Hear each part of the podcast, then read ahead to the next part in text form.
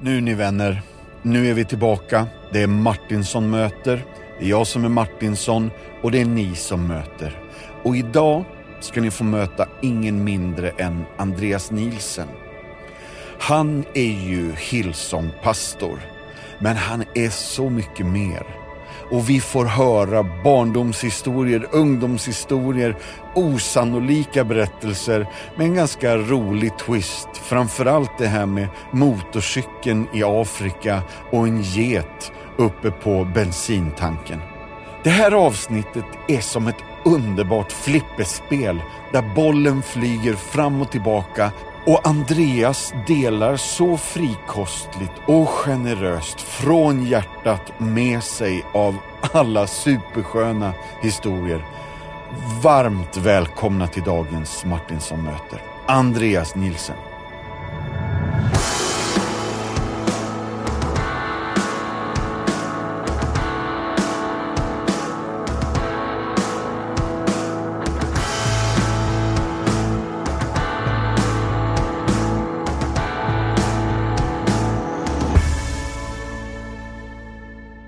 Hörni friends, nu är det dags. Mina damer och herrar, välkommen hit Andreas Nilsen.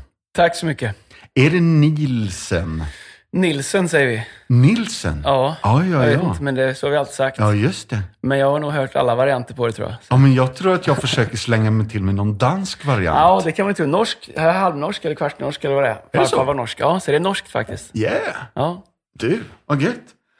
Du Andreas, Men det är som vi brukar säga, allt, går vi bara tillräckligt långt bak i tiden så var allt svenskt. Ja, bra. Du, jag, eh, jag vill börja med tio och jag säger ibland att det är tio snabba, men det, tar, det går inte så fort. men det är tio första frågor och jag smäller igång dem här om du är beredd. Ja. Om du kunde välja att göra vad som helst, vart som helst, ett helt dygn, vart skulle vi då hitta dig? Då skulle jag jaga grizzlybjörn upp i norraste och mest eh, och avlägsna och otillgängliga delarna av Alaska. Ruggigt roligt. Det var ett asbra svar. Eh, vi får nog återkomma till det här med... För jag vet någon, det är någon jägarfantast i dig. Ja, det kan man. Det är ju, ja, ja, det är det. Mm. Men man får vara... Det är inte alla som förstår det. Så. Nej. Ja, gött.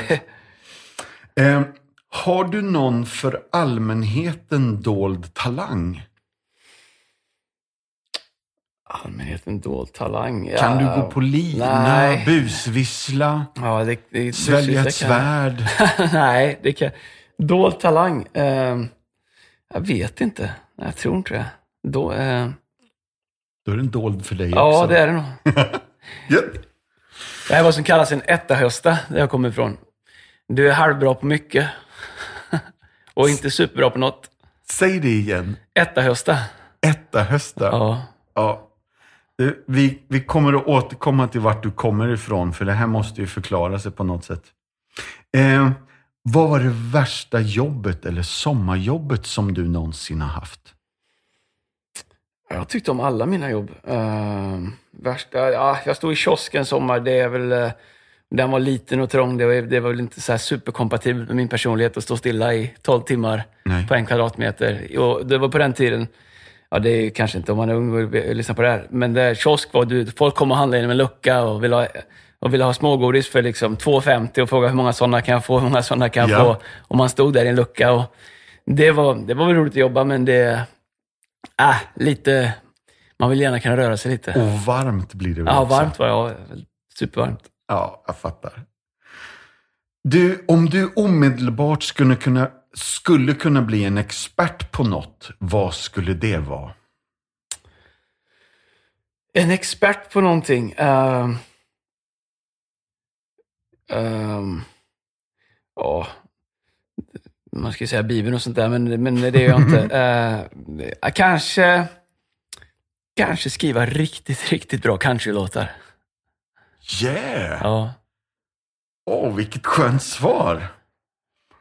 Och du, då måste jag nästan bara backa bandet. Du har ju gjort, skrivit några countrylåtar va? ja, men lite. Jag har gjort några försök som har varit med på några plattor och sådär. Ja. Jag gillar ju gillar den musiken. Jag brukar terrorisera vårt kontor med bra country. Yeah! Och vilken... Är det lite Hank Williams eller är det modernare country, Keith Urban eller vad? Nej, men jag gillar Keith Urban, gillar jag, och Hank gillar och jag gillar, det finns ju alltså, nu är det ju en renässans för lite mer old school country som både Georgia Floyd, Florida Line skriver och Thomas Rhett och uh, Eric Church. Och, så det, det går ju fram och tillbaka, men jag gillar ju liksom bra harmisar, bra melodier, bra texter. Och det sätt som det är proddat, alltså det är ju, det, det kan vi prata hur länge som helst om. Fy vad gött. Det här är ju väldigt roligt och jag känner också att det här ger mig lite revansch. Jag hoppas att Micke Hallenius lyssnar nu. För han har discredat countryn något så väldeliga. Men fattar man inget om musik så är det rätt lätt att göra det. Micke! Love you mycket. Ja, come on! Eh, då blir nästa fråga ännu roligare tycker jag. Om du kunde gå med i något tidigare eller nuvarande popband, vilket hade du valt? Pop ska det vara också, eller? Nej men, kör. Eh, ja, vilka frågor. Det är Ja. bra frågor alltså. Ja, kul. Tidigare på, jag ska, det är ju... eh, mm, mm. Du får också sätta ihop ett Ett- all-star-band. Det är några som har gjort Ett det. All-star. Nej, men det hade ju varit roligt att spela med... Um, alltså Eric Claptons uh, Unplugged-platta. Den hade ju varit roligt att spela med. Chuck Liddell piano. Ja. ehm, all, det, det är klart, det hade att få jamma en kväll med dem hade inte varit tråkigt. Åh, vilket bra val. Nu hoppas jag att Daniel Röjås lyssnar. Han alltså. det. blir Han godkänner det. nu. Har du något favoritminne från barndomen eller tonåren som du kan dela med oss? Eh, om jag har många bra minnen från barndomen och tonåren. Eh, eh, favoritminne? Eh, ska man, Ehm, ja, Nej, men det var ju roligt. Det var ju, när man var ung så var det kul att trimma moppar och Mm, köra sönder grejer. Just det. det var alltid roligt. Ja. Och det här kommer vi också få anledning att återkomma till. Med den livserfarenhet som du har nu, vilket råd skulle du ge ditt 18-åriga jag? Jag skulle... Eh, jag skulle säga att eh, livet är långt och livet är kort. Alltså livet är långt, man har tid. Ja. Det finns det, alltså det spelar ingen roll hur det är eller vart det är. Mm, Alltså, det, finns gott om liv att göra någonting bra av. Mm. Men livet är också kort. Eh, så att låta omgivningen definiera vem man är eller vad man vågar göra eller hur mycket man vågar sticka ut, det är livet för kort för. Ja. Så eh, livet är långt. Det finns gott om tid att göra det man drömmer om och det Gud har lagt på insidan av en, vare sig man förstår att det är Gud eller inte. Allt behöver inte hända på en dag. Ehm, men också livet är kort. Och eh, låt det inte definieras av förväntningar eller omgivning eller eh, grupptryck eller inte vilja sticka ut på fel sätt. Det skulle jag säga. Ah, vad gött. Kan du minnas den första konserten du var på? Och kanske den största, men inte i publikmängd, utan den musikaliska upplevelsen av den? Så det är egentligen två frågor. Ja, jag kom från en... eh, Det var... När jag växte upp så eh, fanns det något som hette Lusserock i Tidaholm, Lucia. Ja. Och Status eh, var ju väldigt stora, Status Quo. Alltså sån, eh, både rockabilly, Status Quo, alltså gitarrdriven musik var ju, fanns massa sådana band. Ja. Så jag började ju både lyssna och spela sånt tidigt. Eh, blues, uh, rock'n'roll, sådana grejer. Så det var, det var, jag kommer ihåg sådana band. Det fanns något band, jag kommer inte ihåg om det var bra eller inte, men det, var ju, man tyckte det var bra då. Detroit Diesel, Lokal Förmåga och Willie Poorboy and the Yellow Cats. Och, eh, nu låter det som jag har hundra år, men det är jag inte. men så, det, det var ju, eh, det var ju tidiga något av det första, liksom live. Sen växte jag upp i en kyrka, så att det var ju... Grejen är att jag kommer ihåg att det var, eller du vet, så här, strängmusik, det, det, var ju, det kunde ju vara svängigt liksom. Det var ju växelbas och grejer. Så här, jag har spelat med molle en del och sådär. och det- Även det svängde var ju väldigt musikaliskt och impro, improvisativt. Och, ehm, sen har jag också minnen från uppväxt eh, i, i kyrka vad gäller musik. Eh, nu svävar jag iväg lite här, men eh, jag har hyfsat gehör. Jag hör bättre än jag kan spela. Så, så jag kommer ihåg, jag har minnen efteråt, att jag kommer ihåg, så här, jag kommer inte ihåg lördagskvällar, söndagskvällar, strängmusiksaftnar och jag kommer ihåg att liksom, det, det, det var liksom medryckande och sånt där, men det lät förfärligt ibland. Och eh, när man blev äldre så insåg man ju att med fyra mandoliner med åtta strängar på varje och några fioler och lite mm, Bjertons och Levin nylonsträngar i gitarrer som har stått i solen och halsarna slått sig. Så Ja. det stämde ju inte. Och det fanns ju inga stämapparater utan någon slog ett E på två, ett oktav-E på pianot som kanske inte ens stämde i sig själv och så, och så kom alla så nära de kunde. Ja. Så det har jag faktiskt ganska starka minnen av att jag kommer ihåg att ja, det är härligt det där, men det är något som låter konstigt. Och det tog många år innan liksom, jag började fatta, liksom, innan jag började bli liksom 11, 12, 13, 14, började spela själv och förstå, ah, det, det, det stämmer inte, strängarna stämmer inte. Ja, just Eh, Så det är faktiskt ett musikaliskt, långt tillbakagående minne som jag har. Riktigt skönt också. Har det någonsin hänt dig något som du inte kunde förklara och kanske fortfarande inte kan förklara? Alltså ett under, ett tecken eller ett mirakel? Um, ja. Och tyvärr så är det så att de flesta sakerna som sker kanske man inte ens lägger märke till för man ser effekterna av dem senare. Men jag kommer ihåg som ung, jag hade flera starka möten med Gud i, um, som var oförklarliga. Alltså som var bara... Jag kommer ihåg att det kom en jänkare till våran lilla stad, Tidaholm, Mm. eh, och hade ett möte och han såg så otroligt okompatibel ut med, med Tidaholm, träskor och eh, en Helly Hansen-tröja gjorde gott. Ja. Han hade dubbelknäppt kostym och guldringar och det glänste och siden och lackskor och allting. Och eh, det var... Men jag, hade, jag fick ett möte med Gud och någon gång på några läger och grejer. Och sådana här saker som man bär med sig som blir förankringspunkter. Liksom. ja. Som när det, det börjar drifta senare i livet och man går igenom jobbiga grejer så är de som ett slags ankare som gör att det går inte att drifta iväg hur långt som helst utan man, man, man är förankrad i möten med Gud man har haft och Mm. beröringspunkter. Och det har flera stycken sådana faktiskt. Mm. Även under en period när jag inte, hur det nu går till och vem som definierar det, men när mitt liv inte såg ut så som det gör nu. Liksom. Mina livsval var annorlunda, jag levde kanske man säger mer borta ifrån Gud. Mm. Kommer ihåg kom hem många gånger sent på natten till min lägenhet ensam där jag bodde och satte mig själv med gitarren och spelade de gamla låtarna. Och det kändes som någonting kommer in i rummet och det fylls av värme och kärlek och man satt där och grät och spelade och hade oförklarligt, liksom, givetvis också blandat med mycket känslor och längtan och, och mm. sår och trasighet, men också den här, men det kom ifrån de mötena med en kärleksfull Gud som jag hade haft och helt, några gånger specifikt under de tuffa åren så var det som att Gud gläntade på dörren och, och påminde mig om, om det. Liksom. Och det gjorde enorma saker i mig och känna att det ankaret satt fast i Gud ändå. Ja. Eh, Så jag har haft de, de starkaste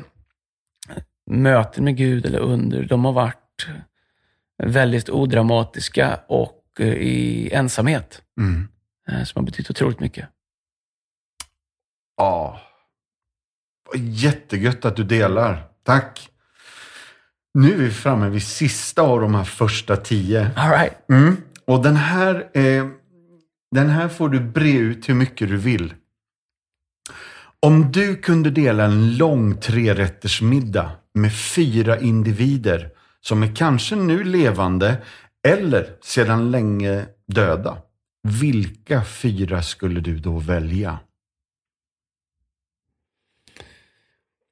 Ja, jag antar att det, det kristna svaret är väl om mig, Jesus och Paulus och några till. Men om man tänker Ja, det är bra. är lite mer modern. Det, det är klart att det hade varit superintressant att sitta med Josef som gör 16 år från det han hamnar i brunnen innan han är i eh, eh, styr under farao. Ja. Och, och, och höra honom berätta om varför han, hur han bevarar drömmen. Hur han inte blev bitter, hur han fortsatte att tjäna eh, fast han själv var så förfördelad. Eh, jag tror i en tid där vi, ibland våra stortår är större än någonsin och vi tycker vi att vi har väntat en månad på att Gud ska ge oss våra genombrott, så tycker vi vänta. Det har varit superintressant att sitta och prata med Josef länge om hur tänkte han? Varför fortsatte han att tjäna i Puttifars hus? Varför blev han inte bitter när han blev oskyldigt anklagad? Varför fortsatte han betjäna? Det jag tycker har varit superintressant för att på en del sätt kan jag identifiera mig själv i, i liksom, eh, det och, och jag kanske inte alltid fattar lika bra beslut, men Josef har varit super, super intressant. Um, och ska jag ta med någon mer karaktär i Bibeln så... Har du valt Jesus och Paulus? Nej, det har jag inte gjort. Jag Nej, bara sa nej. att de är, Ja, de, de är bubblare. Ja, det är bra. Nej, men det är klart att vi sitter med Jesus och Paulus. Men, men Mm. Ja. Josef, eh, det har varit grymt. Prata med honom. Eh, Jag hade, David hade också, eh, men Rut hade också. Om jag ska ta någon till biblisk karaktär så tar jag David. ja. För det är också någon som jag identifierar mycket med. Hur han eh, kommer till korta, hur han är öppen med sin otillräcklighet, eh, hur han pendlar, men ändå har eh, eh, hur Gud ändå säger att han är en man efter sitt eget hjärta och, och det har varit grymt. Um, jag måste ju blanda upp det där lite då. Ehm, jag tycker att um, um, hade mer varit intressant att ha med eh, inte George Strait, det är om det, men uh, jag ska med. Ehm, Vem ska vi ta med? Eh, vi kan väl ta med... Uh, jag slänger in Wayne Gretzky kanske. Yeah. Eh, intressant att höra hans eh, story, Lite han tänkte hockey, hockey, hur han ja, gjorde. självklart. Eh, Stor sportfantast. Mm. Eh, sen skulle man ju ändå slängt in en riktig, eh, en riktig tracker, en riktig outdoors man från Alaska eller Montana.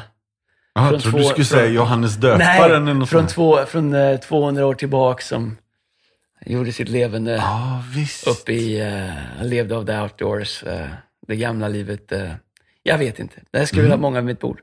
Men det är ju saker som jag kanske personligen skulle vara intresserad av att prata med folk om just nu vid middag. Ja. Så, Vilken skön kombo. ja, Eh, eh, liksom Josef i brunnen och Ja. eh, Grizzly-gubben där. ja, jättegött. ja. Du, den 17 september 1975, vad händer då? ja, det minns jag inte, jag var så liten. Ja. jag föddes då. Mm. Ja, det är 45 år sedan, för några veckor sedan.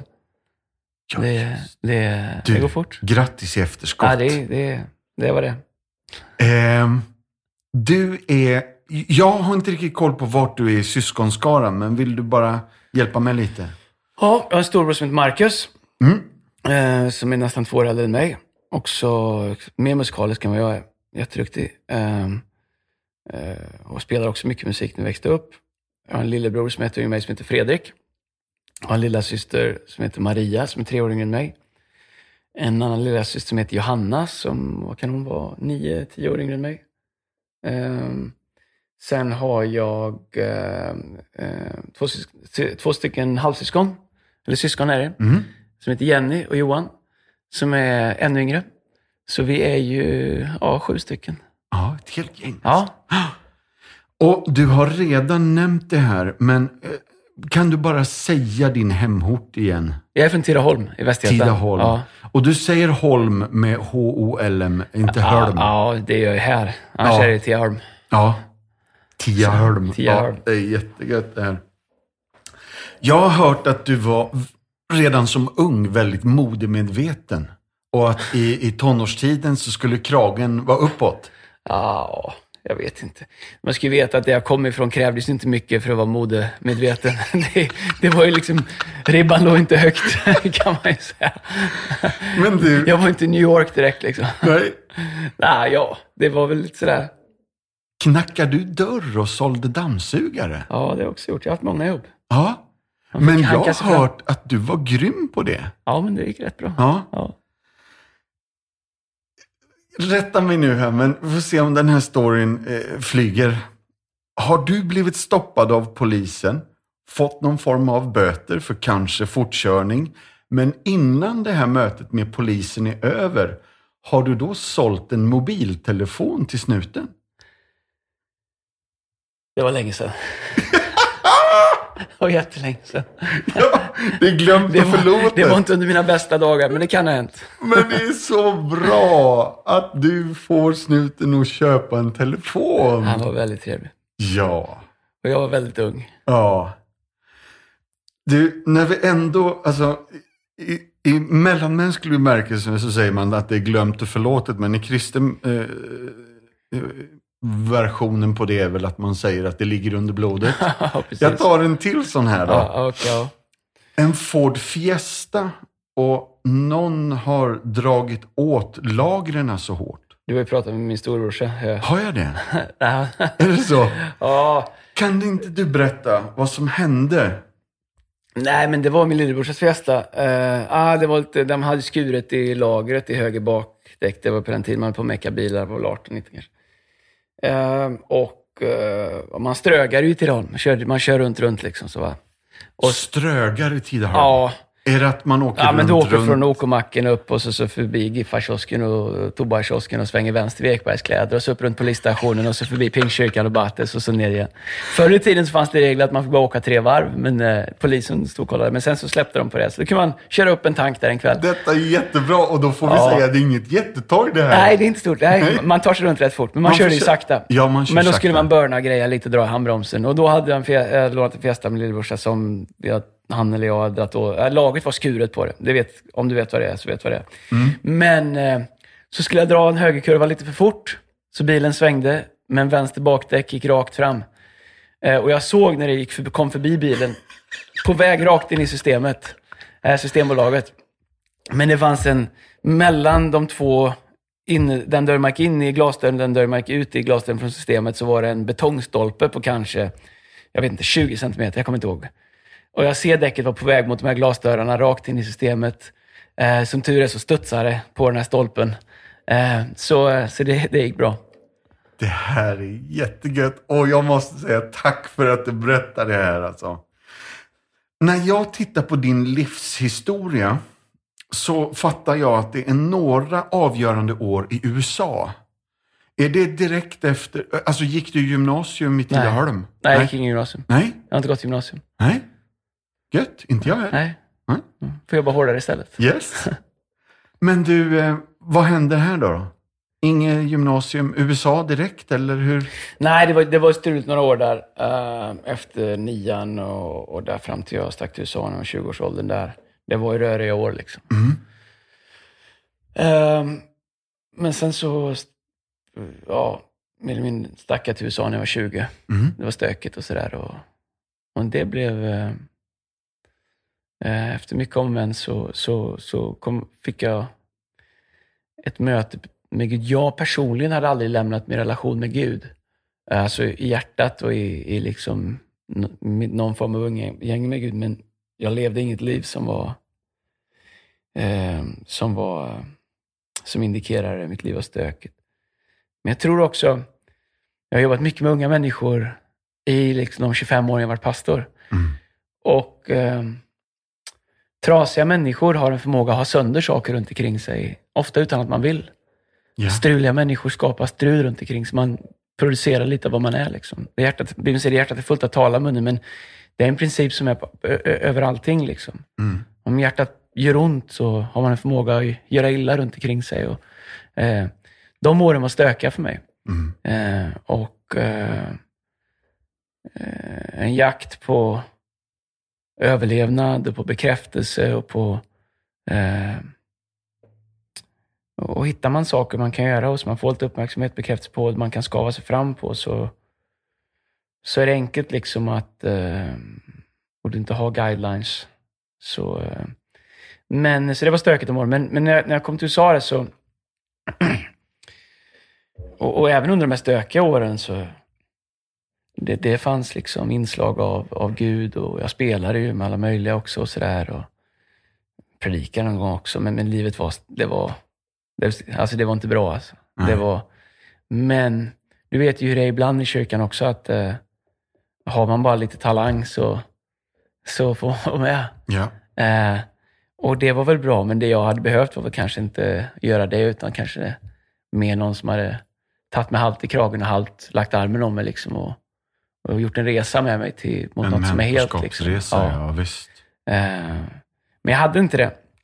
Eh, och eh, då blir det rörigt. Men sen när jag kom till USA, fick ett möte med Gud och, som hade med min kallelse och inriktning med livet att göra. Hamnade ganska snabbt i en kyrka där, så Är det här Christ Fellowship? Christ Fellowship, ja. Ja. Mm. Och för mig var det suveränt. Jag spelade på en nattklubb i USA och var i en kyrka och fick ett möte med Gud, ett rejält möte med Gud och en, ett profetiskt tilltal om mitt liv och min kallelse som från en, äh, men det var, det var specifikt, det var klockrent, det var detaljerat och någon som jag aldrig träffat innan så, och aldrig pratat med efter heller. Eh, och i stort sett sammanfattar med, han det med att idag måste du välja om du ska, vad du ska göra med resten av ditt liv. Antingen tjänar du Gud, ger dig till Gud, det Gud har kallat dig till, eller ska du fortsätta på din väg och it's gonna lead to destruction. Och det, det, det var på väg snabbt däråt. Ja. Men innan jag, eh, ja, det är kanske inte alla som förstår det, men innan jag hann välja så la han handen på mig och Guds kraft kom över mig. Och när jag eh, vaknade till bakom ett trumset där, en halvtimme senare, mitt i predikan, så gick jag bara rakt därifrån ut till mitt hotellrum och böjde knä och gav mitt liv till Gud. Och Ja. dagen efter när jag kom tillbaka till West Palm Beach, där jag var ifrån, så pratade jag med min trummis som jag spelar med.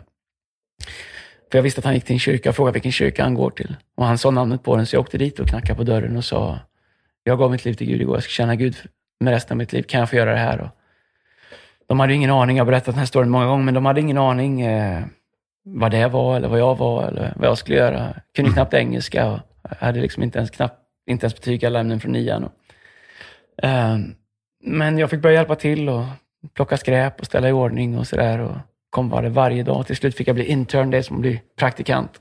ja. Oavlönad också? Ja, jag fick 200 dollar i månaden. Okej. Men det, det var... Men eh, jag älskade det. det var, Ja. Alltså jag, var, jag älskade det. Jag hade något att gå till varje dag. Jag fick göra någonting med mitt liv. Jag fick ledarskap. Pastorn som var där, han var före detta fotbollscoach. Och han var old school, alltså tuff men full av kärlek. Men jag hade ju mycket talang. Jag hade en, en stor trut som hade tagit mig fram genom livet. Mm. Jag hade hård, jag kunde, jag liksom hård, jag kunde liksom stå upp för mig själv, ta mig fram och du vet så här. Lite som ett gatubarn liksom. Mm. Eh, men jag hade, jag hade ett mjukt hjärta, men jag hade ingen karaktär. Jag hade, ingen, jag hade inte förstått värdet av karaktär, av integritet, av de här värdena liksom.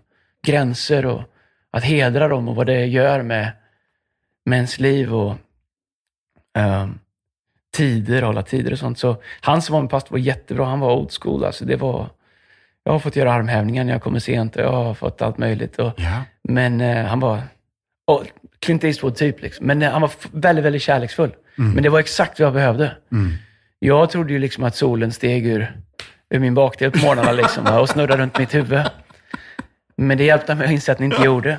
Utan att ha sönder mig. Utan tvärtom, Ja. hjälpa mig att bli hel på insidan. Ja.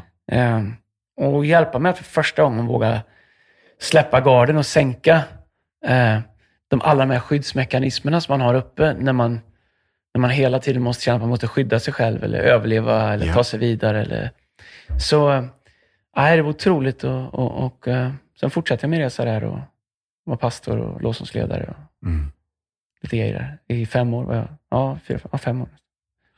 Och var är vi nu? Är vi inne på 90-talet nu då? Ja, då är Det vi, måste vi jag flyttade tillbaka 2001 tror jag. Så, det var, så jag kom dit 95, tror jag, 95 någon gång där. Just det. Det är intressant med historia nu när man blir lite äldre. Ja. Man, all, jag har en god vän som forskar i religionvetenskap. Mm. Och framförallt på hur alla människor skriver sin egen historia. Ja. Som en slags coping-mekanism. Mm. Så um, hans tes, eller det, de, det, forskningen visar, är att alla människor skriver sin egen story. Och det finns människor som har varit med om till exempel hemska saker, som skriver, utelämnar delar, eller skriver om, eller tar med vissa upplevelser. Och, så man inser mer och mer när man ska berätta sin historia, att den är som man minns den.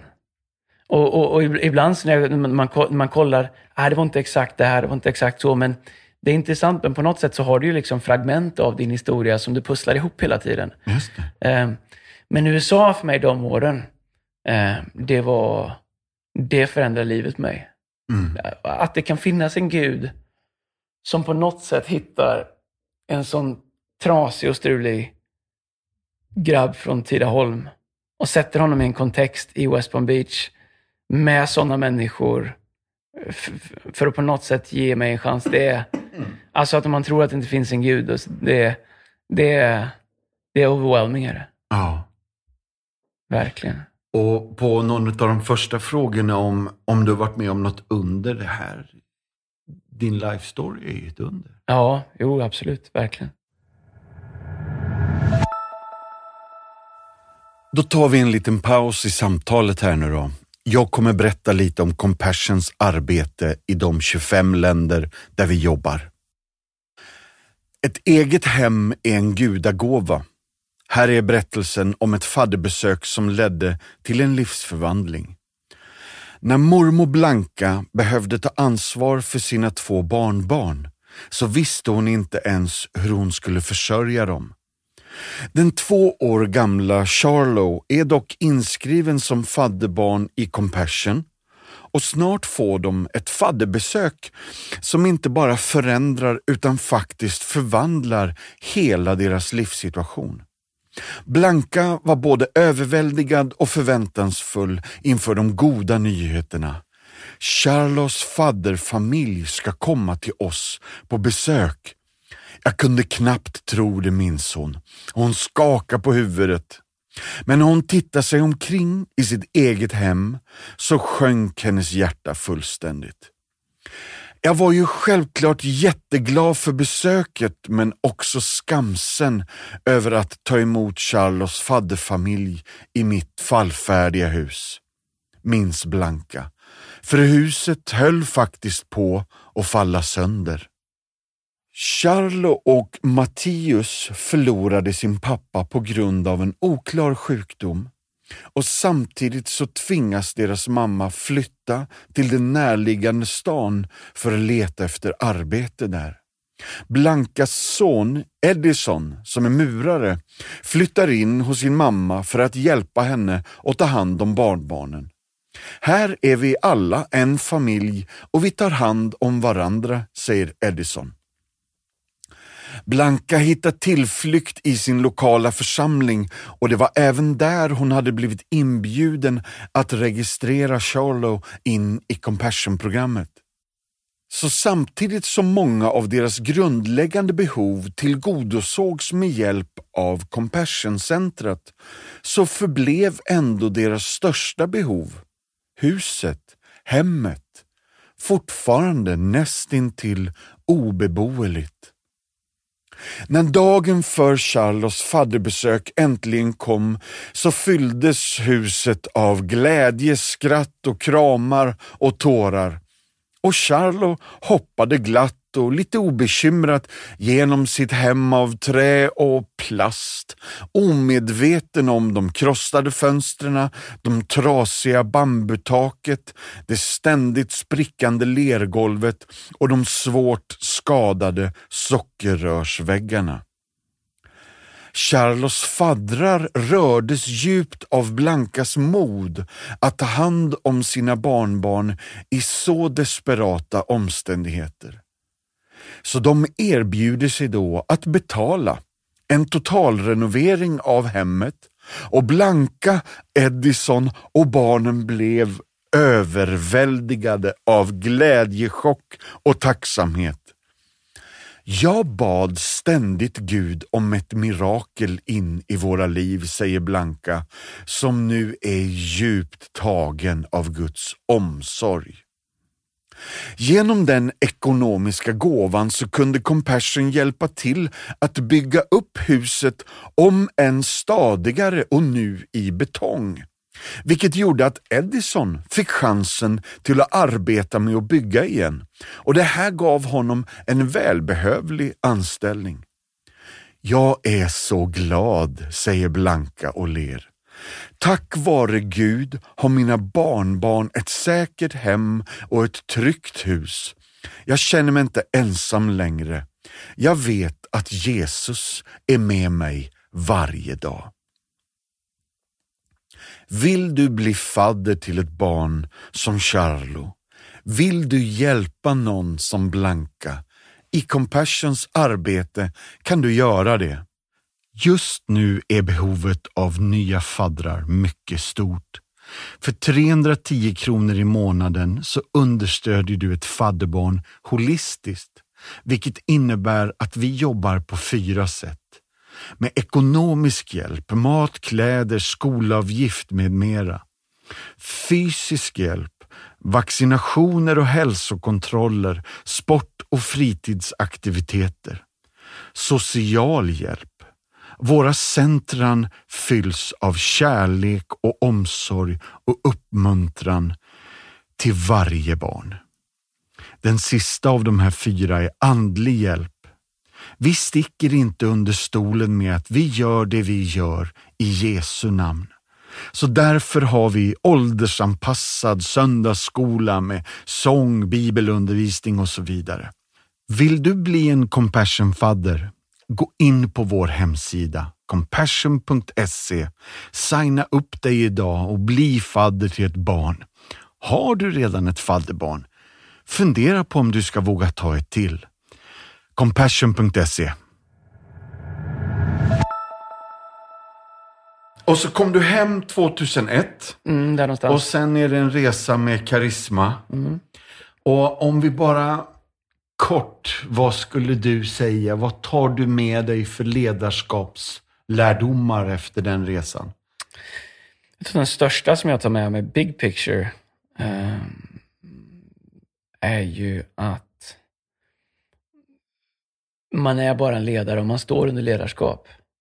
Jag tror att när du är i en kontext där, eh, utan att gå in för specifikt, liksom, för jag tror inte jag har hela bilden heller, men om jag jämför med den kontext jag har idag, som jag leder idag, så har jag hälsosamt ledarskap in i mitt liv. Vi som kyrka har hälsosamt ledarskap in i det vi gör. Det finns check and balances och grejer, vilket inte minst när man växer väldigt snabbt och ehm, det är något, saker går fort så är det otroligt viktigt.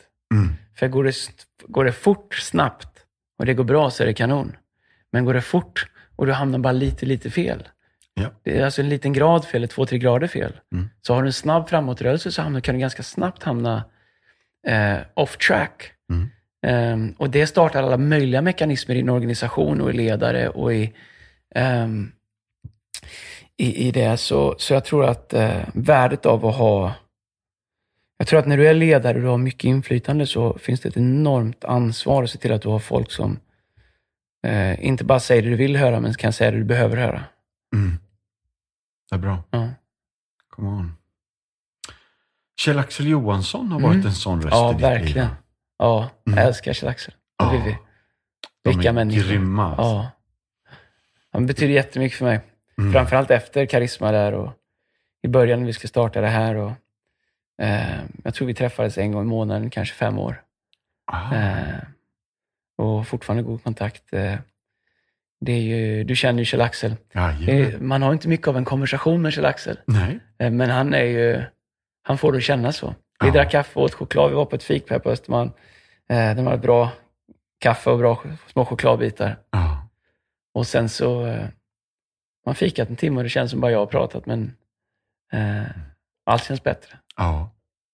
Och en profetisk skärpa och kunna eh, komma med instick och, Mm. och, tilltal på ett vardagligt sätt som är helt otroligt. Verkligen. Riktigt skön. Verkligen en av fäderna i tron som vi har i Sverige. Ja. Enorm respekt för honom och Vivi. Vi är även gemensamma vänner i USA, i Houston, där han har varit länge nu. Just det. Woodlands. Just det. Ja, jag fattar. 2001, eh, eh, 2005 eh, är väl Karisma Center-eran över? Ja. Stämmer det eller? Ja, Men i den här vevan så träffade du Lina också va? Och Jag träffade Lina ganska snabbt. Mm. Och det är ju, det jag kan inte ens berätta hur vi blev ihop, för det låter hemskt. Men, eh, eller det är hemskt, men, men vi, eh, hon var ju, hon sjöng ju. Hon är sångerska från början, Lina. Ja. Så hon eh, ledde ju lovsång och de hade något band först. Eh, vad det hette. De sjöng a cappella och sen så sjöng hon ju med Jamboree och Blue Eye Soul och Erik och dem. Ja. Och, eh, så vi träffades ju där igen. Japp. Eh, Har du sagt ungefär så här, många chanser kommer igen, men den här varar inte för alltid? Alltså, du, är jag har aldrig blivit intervjuad med någon som faktiskt har gjort eh, bra research. Ja, vad kul! Jag kan säga att när man gör profan media, Ja, då har de gjort jättebra research. Ja. Ofta när man gör kristen media så har de gjort väldigt dålig research. Alltså de har inte lagt många sekunder på, på det. Eh, men så bör, cred till dig. Ja, det har jag gjort. Det var det jag sa. Jag kan väl säga, jag har väl sagt det offentligt en gång. Eh, och eftersom vi har varit gifta i 18 år så, så får man ändå säga att det funkade. Men eh, vi, vi blev ihop och vi, vi dejtade över en sommar, det måste varit 2001 kanske, 2001. Jag, jag var liksom äldre, jag har vuxit upp väldigt snabbt. Liksom. Jag flyttade hemifrån tidigt och, och var tvungen att bli vuxen snabbt. Ja. Så, och bott i USA och mina vänner har alltid varit fem och tio år äldre än mig. Mm. Ehm, och eh, jag träffade Lina, hon var fem år yngre än mig. Och hon var liksom hiphoppare och grejer och sådär. Och eh, 20 år och jag var 25 år. Och, du vet så här, vi var så olika. Jag ville gå på restaurang och hon gick bibelskola och de träffades 25 pers åt varma mackor. Liksom. Jag bara fattade ingenting. Liksom. Vad, kan jag, hur skiljer man den få, det fåret från... Sådär, va? Så vi var på så olika platser i livet. Så vi dejtade, men det... Vi, vi, det nej, men vi tyckte det, var, vi, det funkar inte. Liksom. Har du skjutsat henne från Stockholm till Nyhem Ja. utan att egentligen själv behöva åka till Ja, Nyhem? precis. Ja, men, så här, okej. Nu, när man säger att man kommer lite från amerikanska skolan så låt, då tycker folk det, att det bara är kass. Men det är det ju faktiskt inte bara. Utan det finns ju något helt... Så, här, så jag, ja, jag träffade henne och då, så här, och, och då, då skulle hon åka till Nyhem dagen efter med någon så här bussresa. Eh, och, och då sa jag, åk med mig istället. Vi, jag ska ner till Nyhem. Ja. Eh, så slipper du åka buss. Liksom. Jag kan hämta dig, jag kan skjutsa dig och sådär. Jag ska, du vet, så här, och, nej, jag ska åka buss och sådär. Men jag, då lyckades jag övertala henne att åka med mig istället. Så då fick man ju bilresan ner dit. Japp. Sen försvann hon när vi kom till Nyhem, så det var ju lite sådär. Men fick man Just åka hem själv. Men, men det tog igen. Ehm, 2006 är det dags för Passion Church Mhm. att starta upp va? 92 pers. Första Ja, alltså gudstjänsten. det, ja, precis. Så vi, jag hade lärt känna Pastor Brian många år tidigare och eh, när vi alla kommit fram till att vi ska starta en kyrka, då vi var ju kanske, jag vet inte, 10-15 pers. Vi var ju, det var ju jag och Lina och bandet och liksom, Ja. några, det, vi var inte många liksom. Så när vi startade första gudstjänsten, när vi verkligen har en gudstjänst, så kom det 91 personer. Jag tror inte, alltså det var ju gigantiskt. Jag tror andra veckan var det 37 och tredje 21. Så vi var ju liksom två veckor från att inte finnas. Mm. Så, eh, så, men första mötet var vi 91 personer på, på Casinoteatern. Vi hyrde in oss där. Komikern Uff- Uffe Larsson som har gått bort nu och Bengt-Åke Vaj drev den som någon slags liten så här privatteater. Och ja, visst. det, var, det, var, det var ja, det var stökigt, men det var, det var härligt. Japp. Då, jag var ljudtekniker första halvåret och så sprang jag ner på Rikare och så upp och sköta ljudet igen. Ja. Det var ju enkelt. Upp med allt bara. Och sen, Reglerna i botten. ja, ja. Du, ehm, i den här svängen någonstans så gör du en lovsångsplatta med några vänner. Eh, som heter någonting med brustenhet. Eh, Den brustna vägen, ja, den gjorde jag och Ida Möller 2005. Efter Karisma. Um, vi skrev ett gäng låtar eh, utifrån vart vi var då. Jag, då var jag en period jag var övertygad om att allt var förlorat. Ja. Om att eh, känna Gud var förlorat. Bygga kyrka var förlorat. Alltså det var, Mm. jag var, nej men att allt var förlorat. Även om vi hade liksom människor som ville flytta till USA och erbjudanden hit och dit. Men i mig själv liksom så eh, ska också säga att med fast i hand så jag tror jag tog på mig själv mer än vad jag kanske behövde göra. Men Mm. jag tror att för mig så var det ett sånt personligt eh, eh, blow och nederlag med karisma. Det, det kändes som ett sånt, för mig personligen, så stort misslyckande. Mm.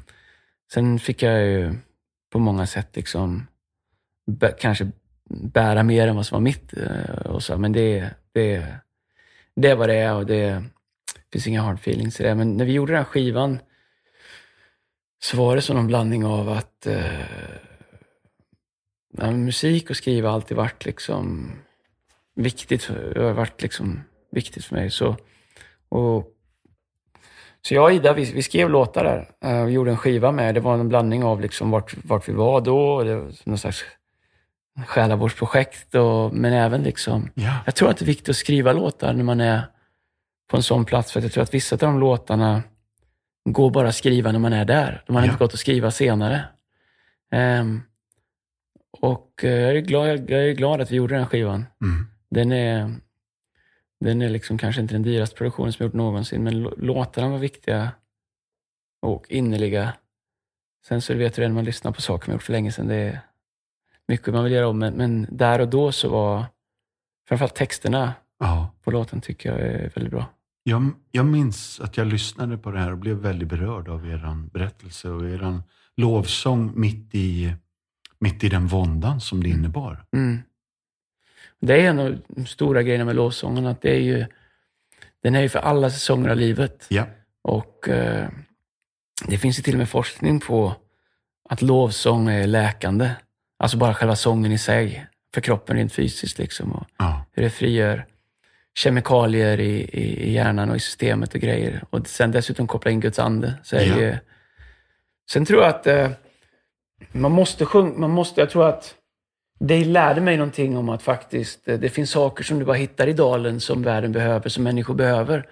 Och om du inte vågar vara transparent och våga vara, eh, liksom hämta saker där och ge människor, så blir det liksom, du får en båt med slagsida. Jag har inga problem med att stå liksom och eh, peppa folk och tala tro in och få folk att vet, vilja explodera i tro och be för saker och lovsjunga och prisa.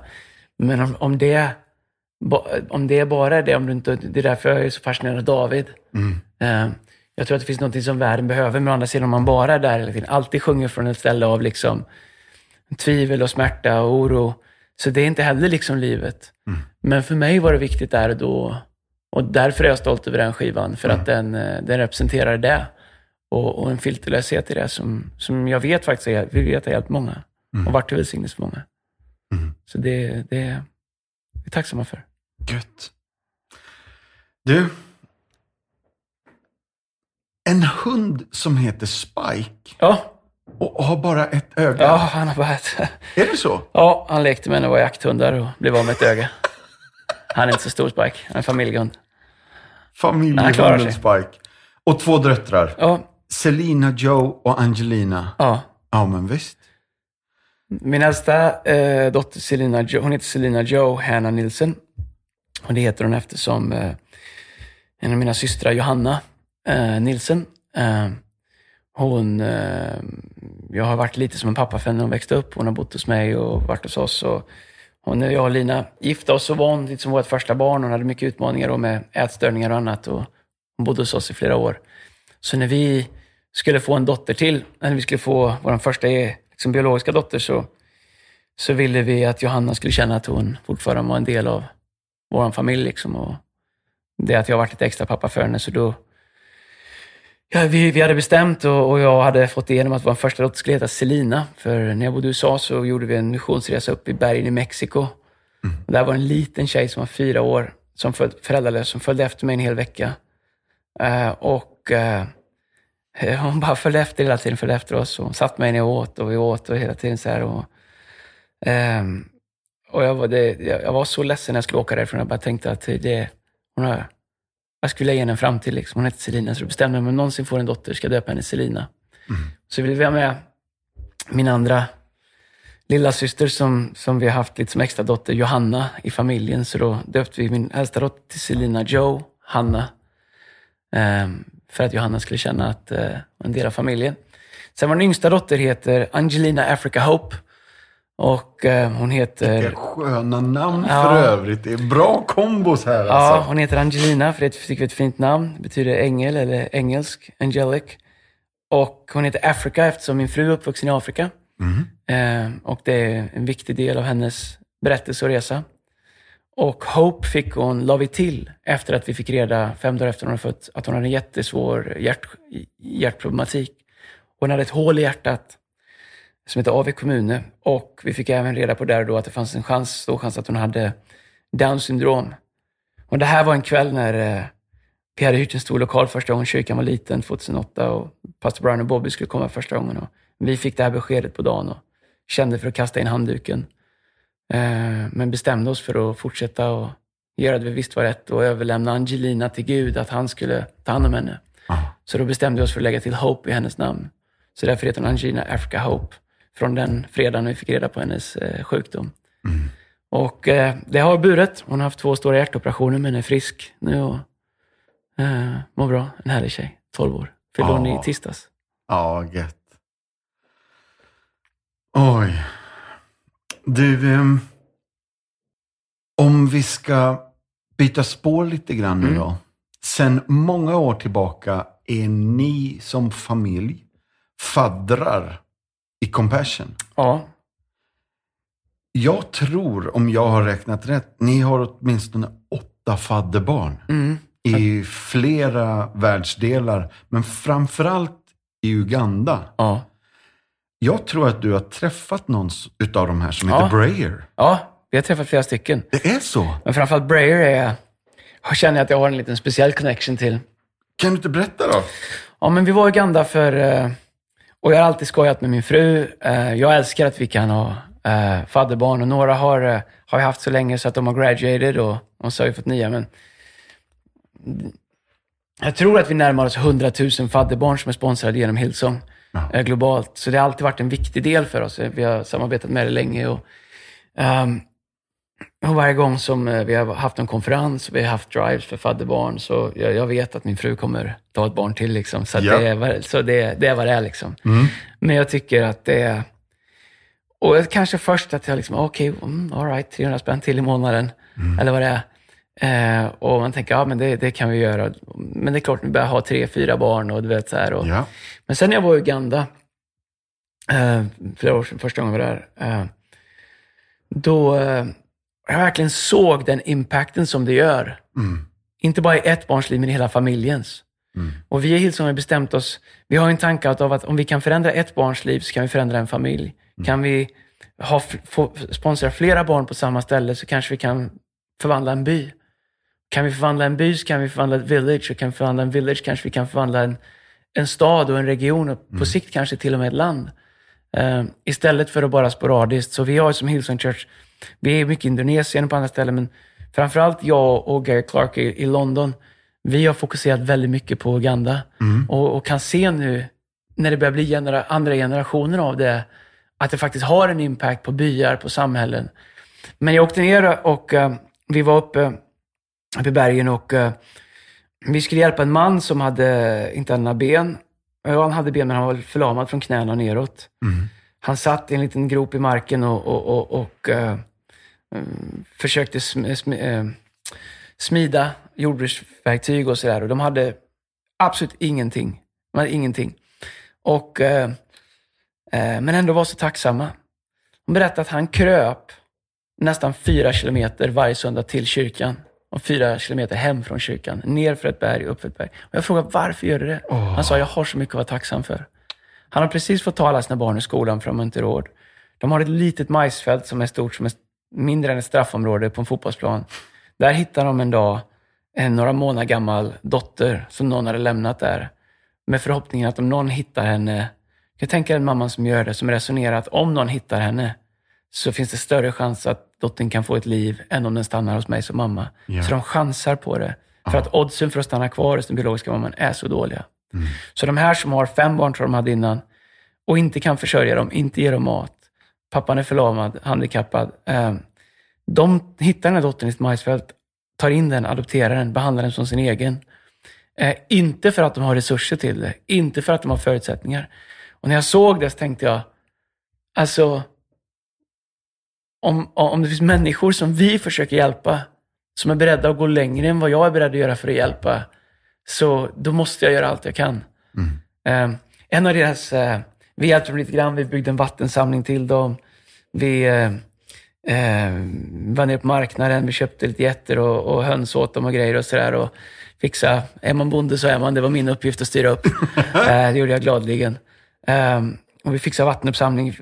Jag försökte bygga en hyscha åt honom, men jag tror han ville ha sin grop där. Och, men eh, otroligt eh, härlig familj. Vi hade med en rullstol till honom, Ja. som vi hade tagit med Ja. med terränghjul på så han skulle kunna ta sig runt. Men han ville inte ha den först. För han tyckte att det måste finnas någon annan som behöver den bättre än mig. Och det, det du Oj. står och tror att, liksom att de är Mm. bara politically correct, men det är de verkligen, det är verkligen inte. Så de hade en grabb där som hette Briar som var härlig. Han ville ha solglasögon, jag bäst att prata med honom. Han gillade Manchester United. Och de har tagit honom ur skolan för att de inte kunde betala för honom. Eh, och eh, vi var där, jag bestämde direkt, jag ska sponsra Briar.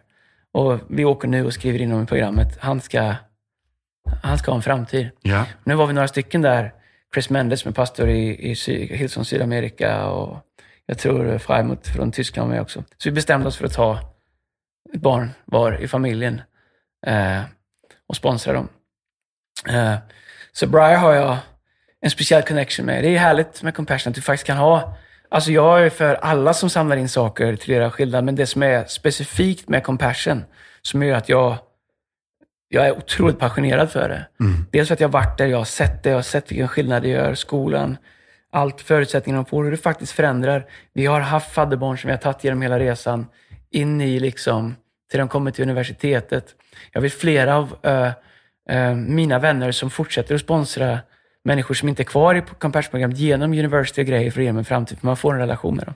Men det jag älskar med Compassion, det är att du kan åka ner och ta på det, du kan se det, det, det är på riktigt, det blir kött och blod. Och, eh, och även när jag är i Sverige så kan jag ha en, jag kan prata med Brian, jag kan kolla hur det går och jag kan prata med folk runt omkring. Och när han fyller år så kan jag skicka en present till honom och, eh, genom Compassion. Och, eh, vid jul så kan jag göra någonting för hans familj och köpa lite, någon, någon extra get. Eller vi gör olika saker för, för våra familjer som vi sponsrar. Och, alltså det är så små grejer för oss eh, i det stora hela, men gör så stor skillnad. Och man känner att man kan faktiskt göra en impact och, och göra en skillnad.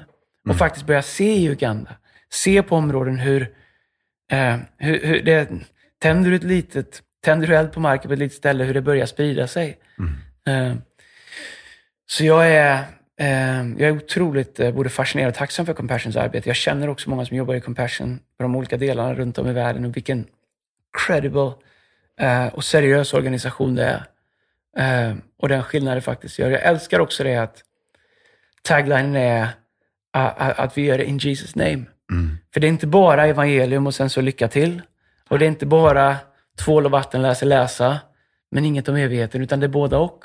Och det vet vi faktiskt från historien, att den kristna kyrkan har ju varit absolut mest drivande i, i, i världen när det kommer till lärande, när det kommer till eh, demokrati, när det kommer till rättigheter, när det kommer till att höja standarden hos, hos människor och lära dem läsa, skriva, förstå sina rättigheter. Så jag älskar att Compassion kopplar ihop evangelium med också den grundläggande rättighet som människor har, lära sig läsa, skriva, få en framtid.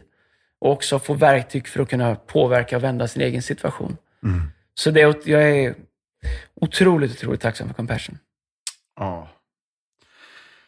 Jag har hört någonting om att eh, någon motorcykel och du tog dig ner till marknaden och köpte den första geten. Ja, vi var nere på marknaden där. Vi valde ut getar och getter. Och jag ville ju fått med en ko, men det gick ju inte.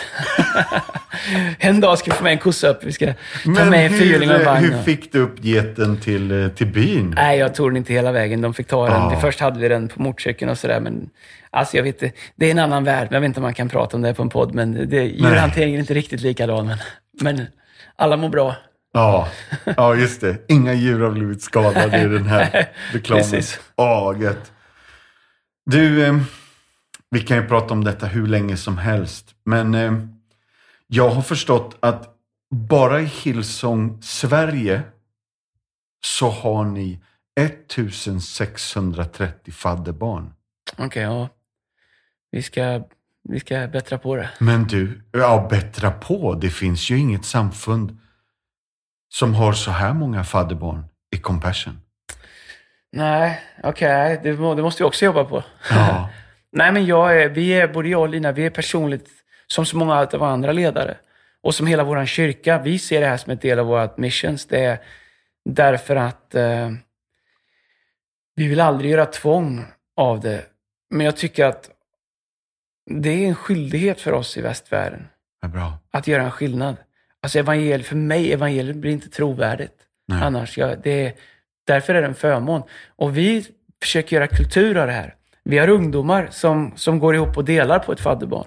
Eller connect-grupper som går ihop. Så, ehm, jag tror att det, inte minst för unga människor, är otroligt hälsosamt att faktiskt eh, göra saker som handlar om större, andra saker än sig själv, större värden, att uppoffra saker och ting, att lära dem det. Så jag är otroligt stolt. Vi har, vi har ju familjer och vanliga människor och företagare, alla möjliga som, som sponsrar barn. Eh, och när vi säger sponsra så använder vi ordet sponsra, men det är ju alltså är fadder åt dem. Tar ett ansvar för dem Just det. varje månad. Men vi har också unga människor som gör det. Vi pushar våra ungdomsgrupper och, och givetvis med målsmans tillåtelse och allt upp det. Men jag tror att det är en jätteviktig aspekt. Mm. Ehm, och, och, och jag tror att eh, i en värld där det känns mer och mer som alla står och skriker på varandra, Mm. fastlåsta olika positioner och politiska uttryck och politisk korrekthet. Och, Så där alla står och skriker så, så tror jag att det är superviktigt att lära den unga generationen att faktiskt gö- göra skillnad. Eh, och därför kosta oss att göra skillnad för andra människor. Eh, dels för att när du gör det med compassion så får du breven du får, samtal, liksom samtalen du får, det gör att behovet blir kött och blod. Och då blir det på riktigt. Och jag tror att ibland med välgörenhet, all välgörenhet är ju bra givetvis, men det finns ju en aspekt av det där man kanske dricksar för att, för att ha gjort sin del liksom lite grann. Men jag tycker att det är så, det jag tycker om med compassion är att det, det, det kommer nära, du, du, du, får, det kommer hem, det kommer, du får hem det liksom och det blir, det, du blir berörd av det och det blir, ehm, ehm, så att, um, nej, det, det är bra. Jag, jag har, vi har pushat det i kyrkan. Ja, det är bra. Eh, och, och, och behöver inte göra det mer för kyrkan, har tagit eget ägandeskap om det. Och jag vet, eh, när vi kör driver en eller två gånger om året före, liksom, så det är ju, jag tror någon gång vi har haft 400-500 på en söndag som har signat upp. Liksom, och, det, Ja. och sen så kan det hända att vissa barn växer upp och inte är med i programmet längre för de blir ett viss ålder. Just det. Eller att, eh, ja, whatever. Men eh, jag tycker att vi, vi måste försöka nå 2000 innan året är slut. Ja, spännande. Ja. Ja, vi är ruggigt glada för allt det här och att Hillsong internationellt sett har nu över 100 000 sa du förut va? Jag tror att det är någonstans där Ja. kring. Ja. Och eran insats i Uganda låter ju höra om sig. Det blir ju synbart och kännbart, inte bara för byn utan för nationen till slut. Mm. Vilken otroligt skönt vittnesbörd tycker jag.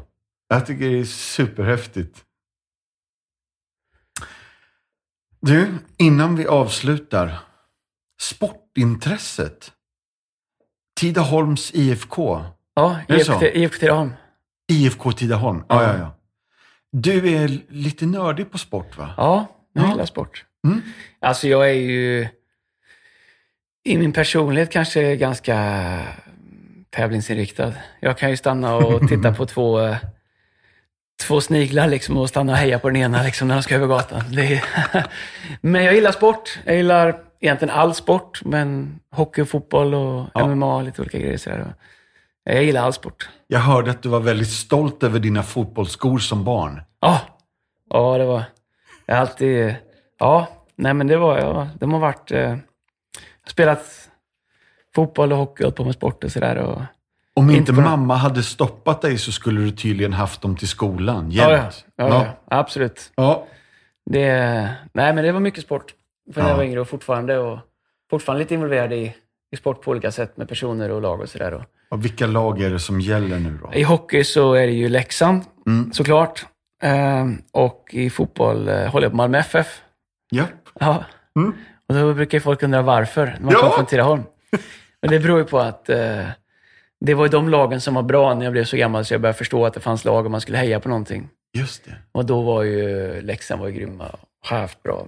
Nu är det ju, om det är någon som är så nördig som ni förstår det här, det är- är Sigge Cirkus och Per Eklund och Thomas Jonsson och sen Challe och Jens Nilsson. Och, så de var ju bra liksom. Och då skulle man ju hålla på Brynäs eller Leksand. För man- 70 och sen 80-talet in, det var ju Leksand och Brynäs de stora lagen.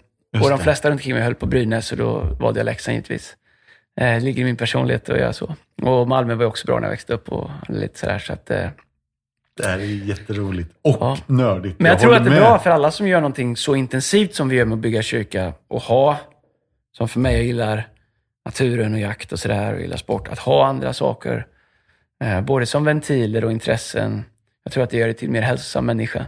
Mm. Så för mig är de superviktiga. Ja. Det ger dig lite luft, lite space, lite vila och Ja, ägna tanken åt något annat. ja mm, och, och det ger mig också en anledning att... Det går inte att leva i en bubbla. Eh, jag, har, jag har ju lika mycket vänner som inte går till kyrkan som jag som går till kyrkan. Ja. Det hjälper mig att, att, att vara in touch med och förstå vad, vad människor behöver och Mm. vad människors verkliga utmaningar är. Och, ehm, hur vi kan bygga en kyrka som ger riktiga svar på frågor som människor faktiskt ställer Mm. och behov som finns och hjälpa dem och guida dem. Men sen så tror jag för själen.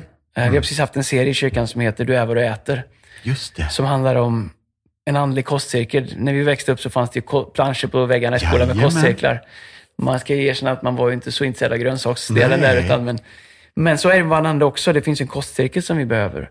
Men också för hela livet. Att, eh, jag tror att om du, du kan ju läsa Bibeln och be och l- lyssna på lovsång och mata din ande hur mycket som helst.